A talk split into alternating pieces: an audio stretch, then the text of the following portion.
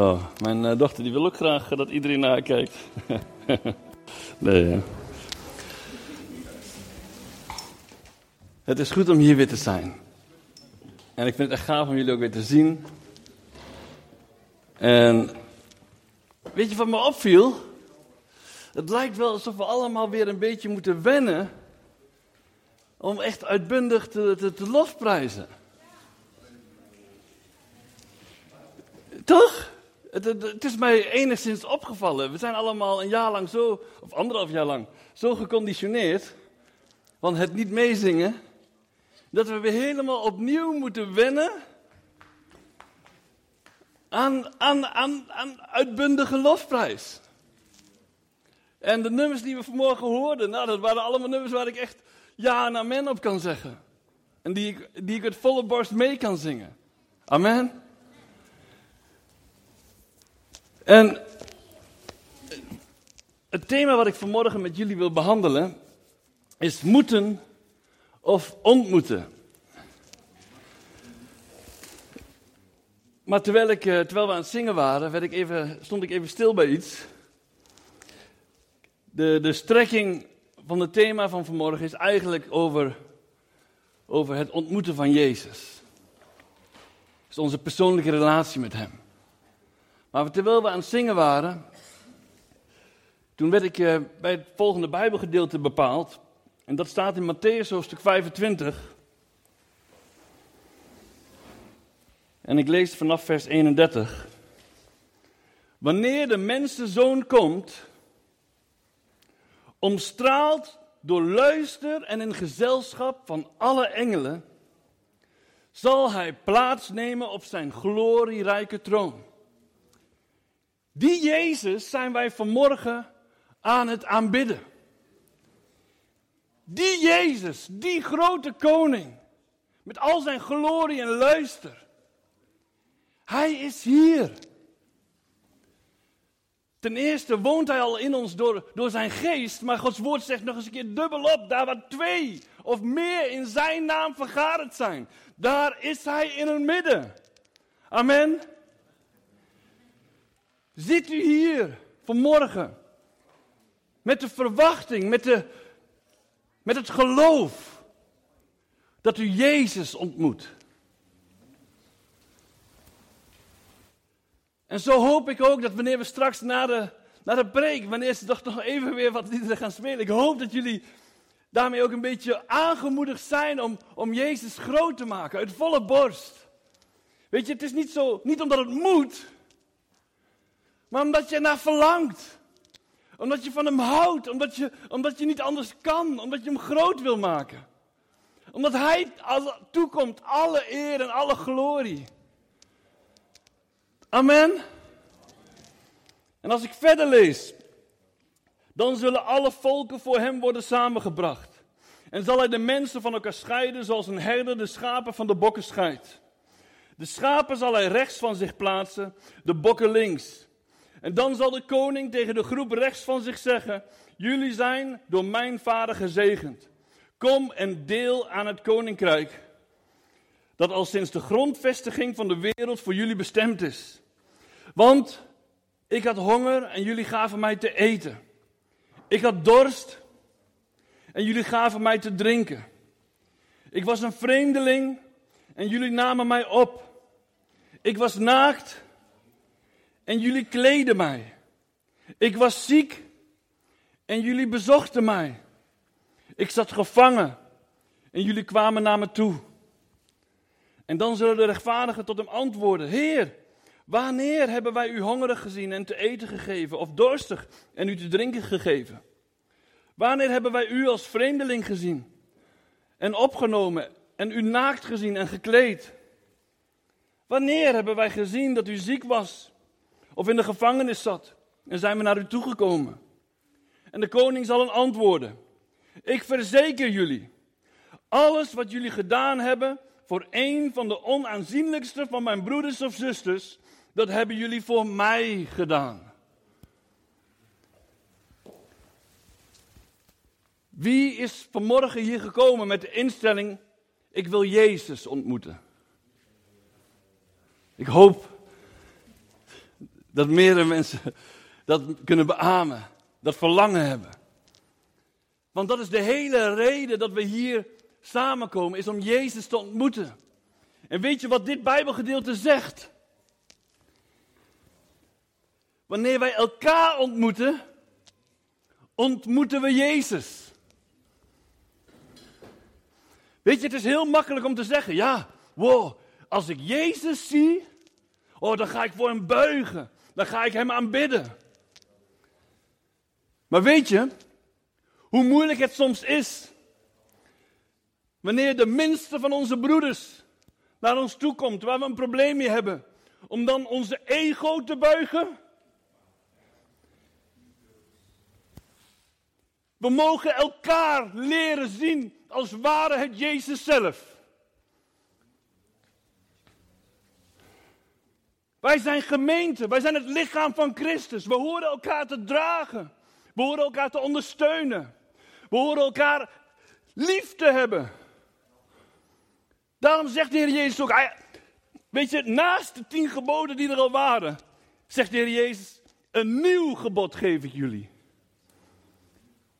Dat gij elkander lief hebt. En daaraan zullen de mensen zien dat jullie mijn kinderen zijn. Dat jullie mijn volgelingen zijn. En wanneer je ja en amen kan zeggen, ja, ik wil Jezus ontmoeten. Besef dan dat, dat de broeder naast je, de zuster naast je, dat je, dat je Jezus daarin mag ontmoeten. En wanneer je bereid bent om te buigen voor Jezus, wees dan ook bereid om te buigen voor je broeder of zuster. Amen. Wanneer je bereid bent om alles aan Jezus te geven, ben je ook bereid om alles aan je broeder of zuster te geven. Amen.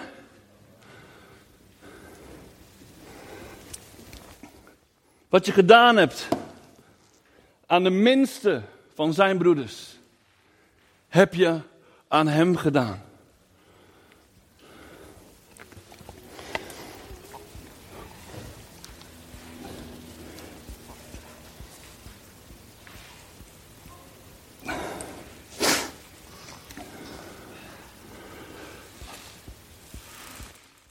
Hoe is jouw relatie met de Heer Jezus? Mijn vraag eigenlijk is: is het een moeten of ontmoeten?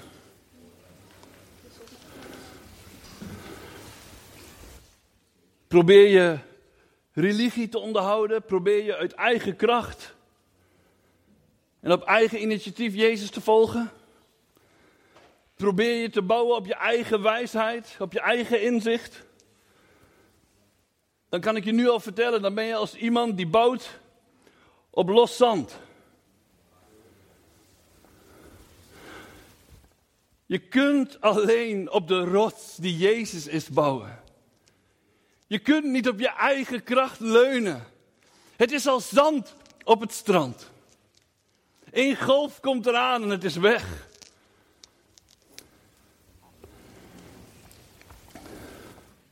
Weet je, een mooi voorbeeld in Gods woord is, is het verhaal van Maria en Martha.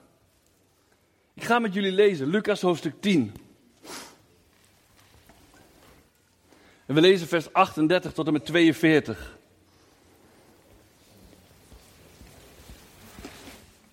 Toen ze verder, toen ze verder trokken, ging hij een dorp in, ging de Heer Jezus een dorp in. Waar hij gastvrij werd ontvangen door een vrouw die Martha heette.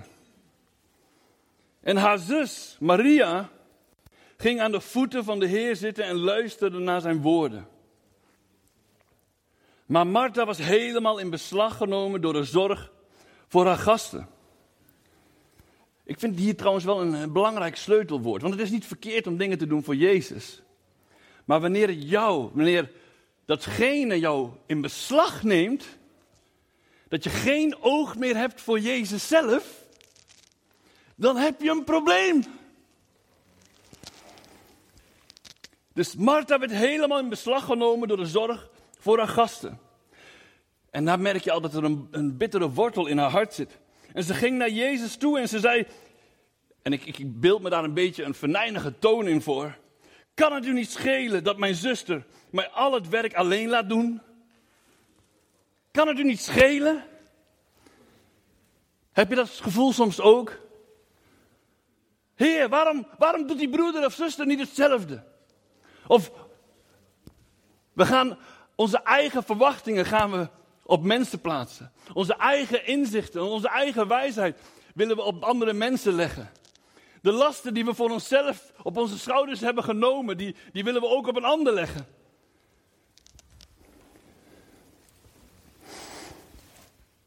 Kan het u niet schelen dat mijn zuster mij al het werk alleen laat doen? Zeg tegen haar. Heer, zijn ze doof? Heer, laat hen alstublieft. Nee, zo werkt het niet. En de Heer zei tegen haar: Martha, Martha, je bent zo bezorgd en je maakt je veel te druk. Ik weet niet hoe jij bent gekomen vanmorgen. En misschien is het je allemaal een beetje te veel geworden. Alle ballen hoog houden van het gezin, je werk, maar ook je relatie met Jezus. En, en je wil daarin allemaal je best doen. En, en je gaat er eigenlijk een beetje aan onderuit. Hoe bijzonder is het dan om de Heer Jezus zelf te horen zeggen: Je maakt je veel te druk. Dus vanmorgen wil de Heer Jezus ook tegen jou zeggen: Maak je niet te druk. Je hoeft niet in zeven sloten tegelijkertijd te lopen. Je bent zo bezorgd en je maakt je veel te druk. Er is maar één ding noodzakelijk. Maria heeft het beste deel gekozen en dat zal haar niet worden ontnomen. Het beste deel is in de eerste plaats aan de voeten van de Heer Jezus zijn. In zijn aanwezigheid zijn. Het beste deel is de Heer Jezus ontmoeten. Is naar zijn woorden luisteren. Zijn woord tot je nemen. Hem willen leren kennen. Hem beminnen. Maria lag aan de voeten van de Heer Jezus. Dat is, een, dat is ook een, een, een gebaar van onderdanigheid, van onderwerping. Bij iemand aan de voeten liggen. Weet je, we kunnen van alles en nog wat doen. Maar dat zal ons niet redden. Al zouden we alles weggeven wat we hadden. Maar hadden de liefde niet, het zou ons niks baten. Al zouden we weten alles wat er te weten is. Alle wijsheden, alle geheimenissen. Maar hebben de liefde niet. Wat zou het ons baten, jongens? In de eerste plaats gaat het om het onderhouden van jouw liefdesrelatie met de Heer Jezus. In de eerste plaats gaat het om het ontmoeten van de Heer Jezus. Het gaat niet om allerlei dingen die je zou moeten doen. Het gaat om het ontmoeten. Want alleen een ontmoeting van Jezus verandert mensen. Weet je, het voorbeeld dat ik zo straks heb aangehaald. Wanneer de Heer Jezus verschijnt, wanneer we, wanneer we de Heer Jezus letterlijk met onze blote ogen konden zien. Weet je, en, en je zou je buigen. Buig je dan omdat het moet? Wie, wie, zou, wie buigt omdat het moet? Nee, we buigen uit ontzag, uit eerbied, omdat we van hem houden, omdat we hem aanbidden. Dat is geen moeten. Wanneer je het doet omdat het moet, dan, dan zit je hart al verkeerd. Een ander mooi voorbeeld. Zien we terug in Lucas. In Lucas hoofdstuk 19. Sorry, vertaalteam, ik ga echt totaal van het uh, padje af. In Lucas hoofdstuk 19, vers 1 tot en met 10 dan lezen we het verhaal van Zacchaeus. Zacchaeus, een zondaar, een bedrieger. Iemand die mensen benepte. Iemand op wie we zouden neerkijken. Wow, is wel een heel slecht persoon. Is een. Uh...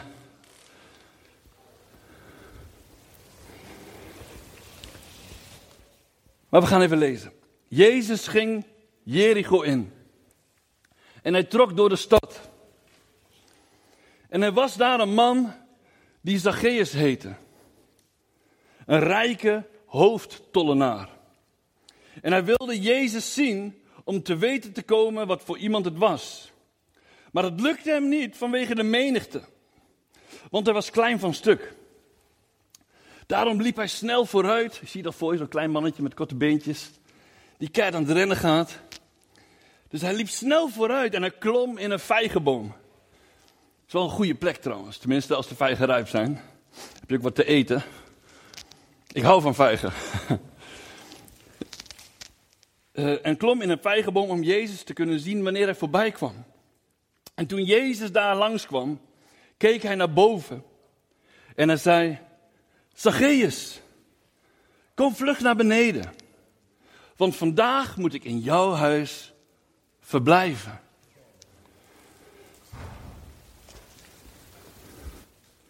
Weet je wat ik bijzonder trouwens vind? Hij zegt niet eerst van, Zacchaeus, wees je eerst bewust van al je zonden. Vraag eerst om vergeving en dan kan ik bij je komen. Eh, eh. Nee, niks van dat alles. Hij zag Zacchaeus. Net zoals hij ons zag toen wij nog in de wereld leefden. Net zoals hij al naar ons verlangde en ons lief had voordat wij hem lief hadden. Zo had de Heer Jezus ook Zacchaeus al lief en zag hij het zitten met hem. Zacchaeus kwam meteen naar beneden en hij ontving Jezus vol, en dat vind, ik vind dat zo mooi.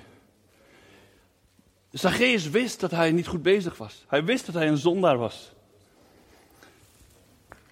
Maar het aparte is dat hij zich niet door Jezus veroordeeld voelde. Hij voelde zich niet door Jezus afgewezen. Want hier staat gewoon,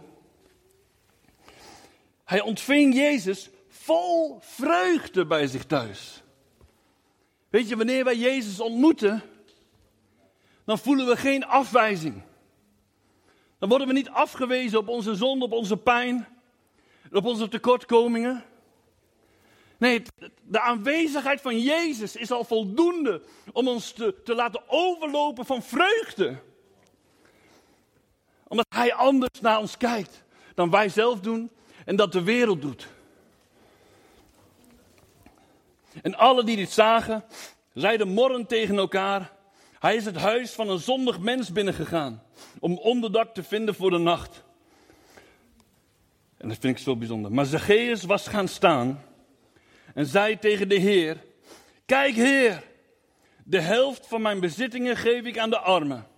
En als ik iemand iets heb afgeperst, vergoed ik het viervoudig. En Jezus zei tegen hem: Vandaag is dit huis redding ten deel gevallen. Want ook hij is een zoon van Abraham. De mensenzoon is gekomen om te zoeken en te redden wat verloren was. Maar dit Bijbelgedeelte laat zo mooi zien wat een ontmoeting met Jezus doet. Er is geen veroordeling. Er zijn geen voorwaarden. Nergens zegt de Heer Jezus hier tegen Zacchaeus: Je moet eerst hiermee stoppen. Je moet eerst dit goed doen. Je moet dit doen. Je moet dat doen. Nee, een ontmoeting met Jezus verandert jou van binnenuit. En geen mens hoeft jou te zeggen dat jij moet veranderen. Als jij werkelijk Jezus hebt ontmoet, dan kun je niet anders dan veranderen. Ik weet nog heel goed, toen ik tot bekering kwam in 2005. Bijna negen jaar lang drugsverslaafd geweest. Met criminele zaken bezig gehouden. Drugshandel, wapenbezit. Vastgezeten in de gevangenis. Mijn eigen vader heeft me voor dood verklaard. Mijn vader die had het op, die, die, die, zag het niet meer goed komen met mij. Maar de dag dat ik de Heer Jezus leerde kennen, Letterlijk op een avond.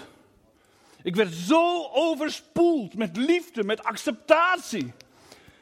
En, en alle afwijzing die ik voelde.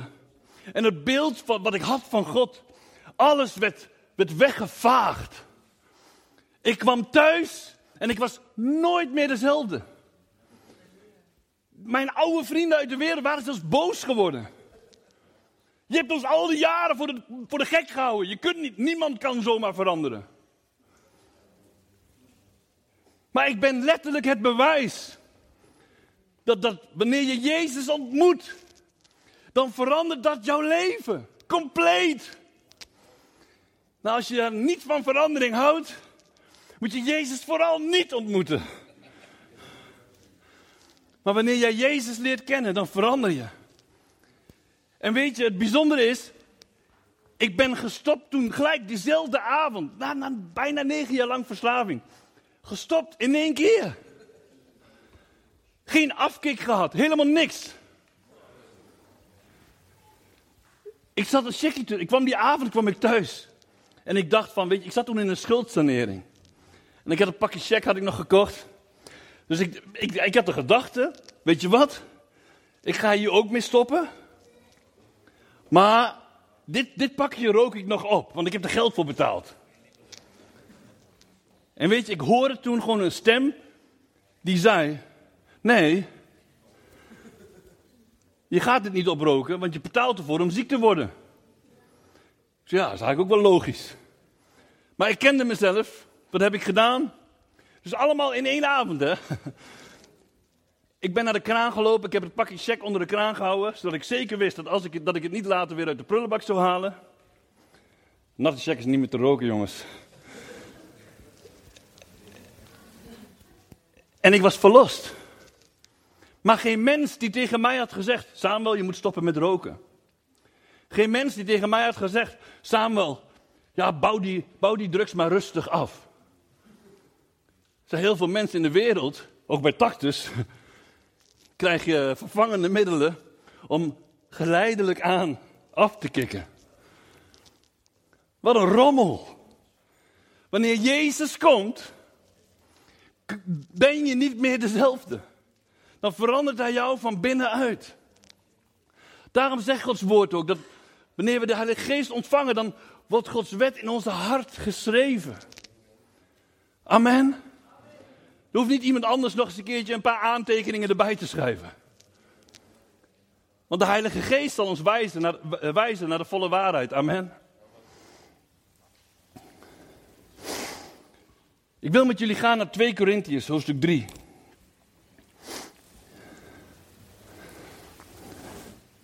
We lezen vers 16 en 8, tot en met 18. Maar telkens als iemand zich tot de Heer wendt, wordt de sluier weggenomen. Wel nu, met de Heer wordt de geest bedoeld. En waar de geest van de Heer is, daar is vrijheid. Wij allen die met een onbedekt gezicht de luister van de Heer aanschouwen, zullen meer en meer door eigen kracht door eigen inspanning?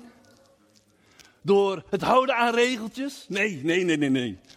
Wij allen die met een onbedekt gezicht de luister van de Heer ontschouwen, zullen meer en meer door de geest van de Heer naar de luister van dat beeld worden veranderd. Gods geest verandert jou van binnenuit. Wauw. En als er iemand ooit is geweest die jou een, een juk op de schouders heeft gelegd. Van dit moet je doen, dat moet je doen. Deze regels moet je houden, dat moet je allemaal doen. Weet je, luister, dat is secundair. Richt je op Jezus. De rest komt dan vanzelf. Ontmoet Jezus. Hij accepteert jou in de staat waarin jij vandaag bent. Hij houdt van jou in de staat waarin jij vandaag bent. Met al je tekortkomingen, met, je, met alles wat jou, wat jou dwars zit en alles wat jou naar beneden haalt. Hij houdt van jou. Zijn liefde voor jou is zo oneindig groot, het is niet te meten. Weet je hoe bijzonder het is dat we. Dat die liefde zo groot is, dat Gods barmhartigheden, ze zijn zo groot, zo oneindig. Ze zijn nieuw elke morgen. Wie in de schuldsanering heeft gezeten, weet je, na drie jaar krijg je een schone lei, hè? Tenminste, in mijn tijd was het nog drie jaar. Maar ik zal je zeggen, bij de Heer krijg je elke dag een schone lei. Zoek maar op in Klaagliederen, stuk 3, vers 22 en 23. Elke morgen opnieuw. Elke morgen mag jij weer opnieuw beginnen. Elke morgen opnieuw. Weer nieuwe liefde. En wanneer je in de grondtekst kijkt bij het, bij het woordje nieuw, dat, dat kun je ook vertalen met vers. Oftewel, een bakker die broodjes bakt, de broodjes van gisteren zijn niet meer vers, toch? Dus je hoeft niet te teren op die liefde die je ooit hebt gehad, twintig jaar geleden toen je tot bekering kwam. Elke dag opnieuw wil hij opnieuw zijn liefde aan jou betonen. Elke dag opnieuw wil hij, wil hij jou vullen met zijn liefde. Want dat is waar het om draait. Wanneer we de Heer Jezus ontmoeten. Het gaat niet om moeten. Het gaat om ontmoeten. Het grappige in het woordspelletje, woordspeling. Ontmoeten zou, zou je bijna kunnen vertalen als we moeten het moeten afleren. Wij mensen, wij, wij willen, onszelf al heel snel een last opleggen. daarom heeft Paulus ook zo'n belangrijke brief aan Galaten eh, geschreven. Want die Galaten die wouden ook weer terug gaan vervallen in die wet en in het moeten. In eigen kracht. Maar we kunnen het niet zonder dat we eerst aan de voeten van Jezus liggen. Wanneer je ervoor kiest om jezelf te onderwerpen aan Jezus. Wanneer je ervoor kiest om, om, om aan zijn voeten te gaan liggen, om naar Hem te luisteren, om tijd vrij te maken met Hem. Dan heb je al het beste deel gekozen. Er is geen beter deel.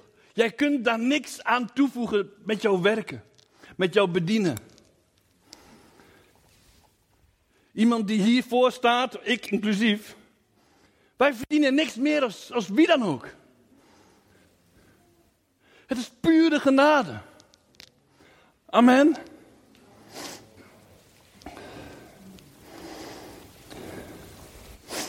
Weet je, sommige mensen vinden, vinden dat best wel moeilijk. Tijd vrijmaken. Hoe doe je dat, hè? Want ja, hoe, hoe kom ik nou daar aan die voeten van de Heer Jezus? Wie ziet hij wel eens als een berg tegenop?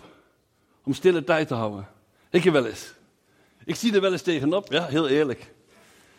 Ja, ik heb ook mijn dagelijkse beslommeringen, mijn gezin, mijn verplichtingen. Alle druktes, alle dingen die mensen van mij verlangen, mijn familie, mijn vrienden. En daar word ik soms ook een beetje in meegesleurd.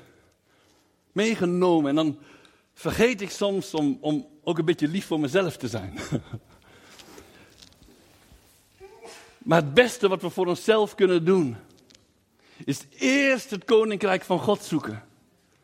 Weet je, en de rest, al die andere dingen waar we ons druk om maken, de rest zal ons bovendien geschonken worden. Zoek eerst het koninkrijk van God. En dat koninkrijk heeft een koning. En zijn naam is Jezus. En wij mogen hem vanmorgen hier ontmoeten. En misschien zit je hier vanmorgen en denk je van ja, ik, ik, weet niet of ik hem wel echt ontmoet heb. Ik, ik heb die liefde nog nooit ervaren.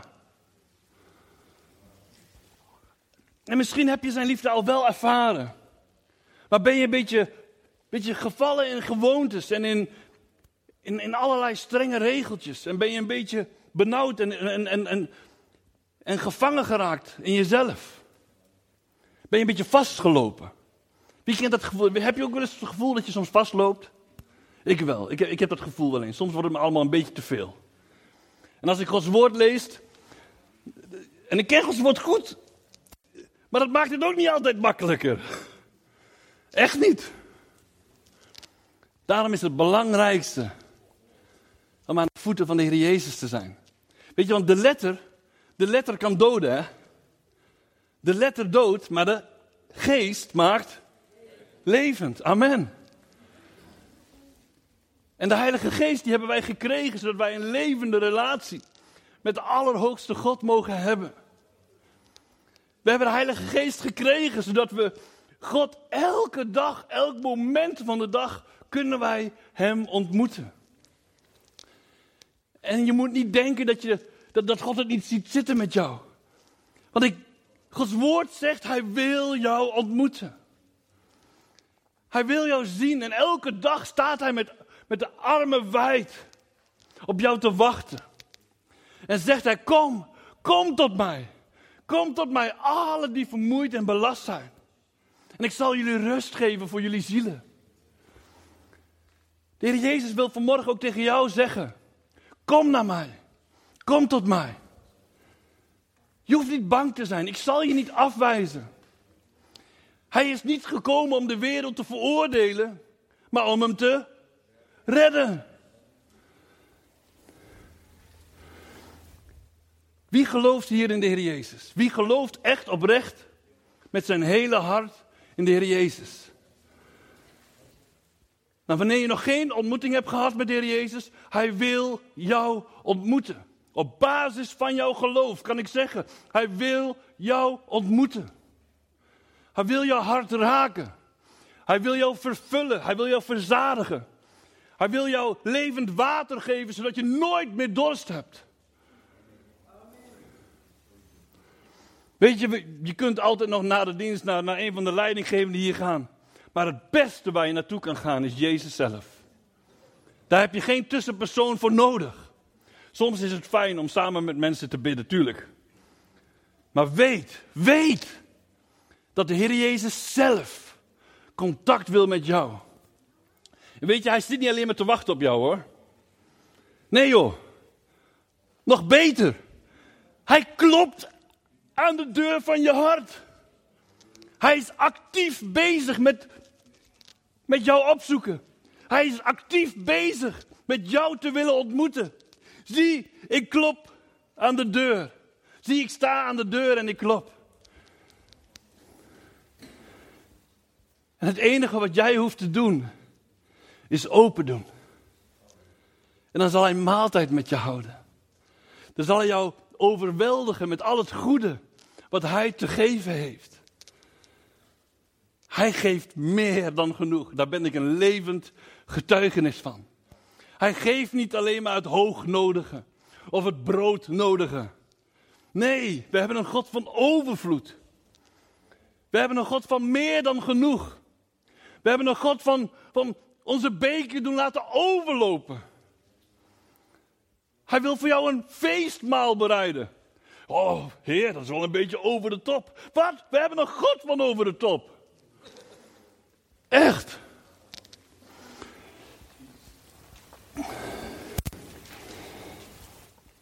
We hebben het vers al gelezen, maar ik wil daar nog, nog een keertje eventjes bij stilstaan.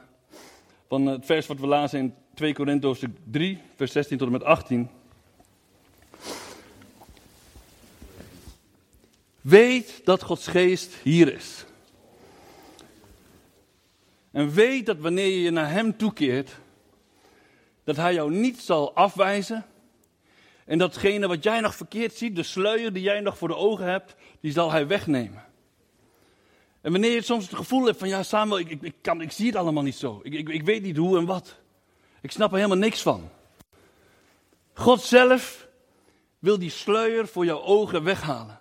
Hij wil jouw blik helder maken. Hij wil graag dat je Hem kan zien. En ik lees hem dus nog een keer. Maar telkens als iemand zich tot de Heer wendt, wordt de sluier weggenomen. Wel nu, met de Heer wordt de geest bedoeld. En waar de geest van de Heer is, daar is vrijheid. En wij allen die met een onbedekt gezicht de luister van de Heer aanschouwen, zullen meer en meer door de geest van de Heer naar de luister van dat beeld worden veranderd. Wil jij verandering in jouw leven? Wil jij de verandering zijn in jouw omgeving? Wil jij de verandering zijn in jouw gezin? Wil jij de verandering zijn op je werk? Naar je collega's? Wil jij de verandering zijn? dan moet jij niks doen, maar ga naar Jezus toe. Laat je hart vullen met zijn geest, met zijn liefde. En die liefde zal jouw kracht zijn, zal jou motiveren. Die liefde maakt dat je anderen lief gaat hebben. Die liefde maakt dat jij anders gaat kijken naar die minste van de broeders. Niet omdat het moet, maar omdat we Jezus gaan zien in elkaar. Dus Jezus ontmoeten gaat niet alleen maar over stille tijd houden. Jezus ontmoeten gaat ook over elkaar ontmoeten. En naar elkaar kijken met de ogen waarop Jezus naar ons kijkt. Met dezelfde genade waarmee wij, waarmee de Heer Jezus naar ons kijkt. Met diezelfde ogen mogen wij ook kijken naar een ander. Amen.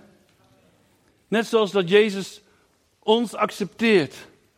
Met al onze tekortkomingen, met al onze fouten. Zo mogen wij ook kijken naar een ander. En diegene lief hebben. Onvoorwaardelijk.